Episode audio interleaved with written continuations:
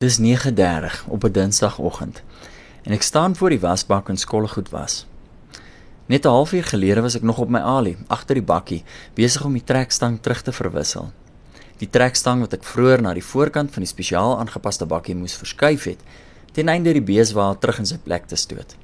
Want ondanks my, al moet ek dit self sê, trirad sleepwa bestuursvernuf is die stryd om die wa en daardie nou parkeerplek op die lippie van die kraansie daar langs in Trirad in te skuif net net te stresvol om my nie die moeite van 'n trekstang verwisseling te veroorloof nie.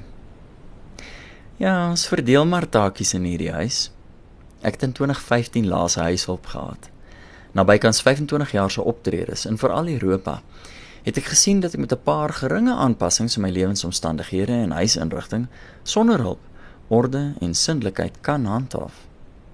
Buitendien, ek het sommige jare slegs 90 dae per jaar direk vanuit die huis gewerk en om onder sodanig wispelturige skeduleringe onwispelturige werker te kry, was eenvoudig nie te doen nie. Maar ja, ofskoon ek nie aan 'n skottel vir kook raak nie, kos maak is glad nie my ding nie. Sal ek daardie skottel was, nê, dat hy soos 'n sixpence blink. En dit kom reeds vanaf kindsbeen. My ma het ons op 'n baie vroeë ouderdom al vir taakies in die huis begin inspann. En 'n man moet mos op een of ander manier sy naal skoon kry. Nietemin. Hier staan ek nou met my hande in die warm water en was die goed wat nie in die skottelgoedwasser gewas kan word nie. En ek is besig om somme te doen. Somme sulke eenvoudige optel, aftrek, maal en deel somme. Somme soos die volgende. Hierdie wastaakie duur 'n halfuur. Teen die besoldiging wat ek binne 'n halfuur kan verdien vir die uitvoering van my sterkste talent, die talent van vermaak vanaf die verhoog verskaf, kan ek teen 'n markverwante besoldiging iemand huur om vir 'n halwe jaar 3 maal per week hierdie taakie vir my te verrig. Nou maar hoekom doen ek dit dan nie? Terwyl ek met die sponsie skuur aan 'n hardnekkige stukkie aanbrandsel, verskuif my gedagte besiging van die wiskundige sekerheid van die natuurwetenskappe na die onvaste ryk van die geesteswetenskap van filosofie. Voor die landbourevolusie, so wat 13000 jaar gelede, aldus die konvensie van menslike beweegkunde, was kwantitatiewe oorwegings gerig op die onmiddellike. Hoeveel kos het ons vandag? Hoe ver gaan ons vandag loop? Het ons vandag genoeg water? En toe begin ons ons op sekere plekke vestig omdat ons geleer het dat as ons nou hier plant, gaan ons later hier kan oes. En dan hoef ons nie so soekend rond te trek en by die gedurende verandering aan te pas nie. Hierdie sprong in ons lewenstyl het geweldige veranderinge teweeggebring. Een so 'n verandering was dat ons kwantitatiewe oorwegings radikaal gewysig is. Want voor hierdie revolusie kon jy slegs dit besit wat jy sinvol saam met jou kon dra. 'n Kalbas vir water, 'n pyl en boog, 'n karos miskien. Die wiel sou eers 7000 jaar later uitgevind word en jy kon nie veel meer saamkarwei nie. Maar vanaf daardie oomblik dat ons op een plek begin bly het, omdat ons deur ons nuut ontdekte landboukunde voeding op een plek kon verskaf het, het die opgaar van goedere en die dienooreenkomstige toeskryf van nuwe waardes daaraan in ons samelewing begin vergestaal. Forensiese argeoloë is dit eens dat die gehalte van die mense se gesondheid in hierdie tydperk drasties afgeneem het.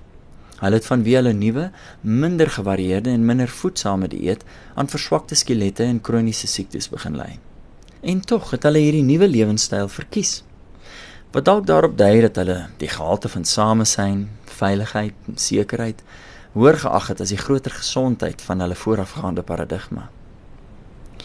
Ek dink daar het in hierdie tyd ook 'n verbastering van kwantitatiewe en kwalitatiewe beskouings plaasgevind.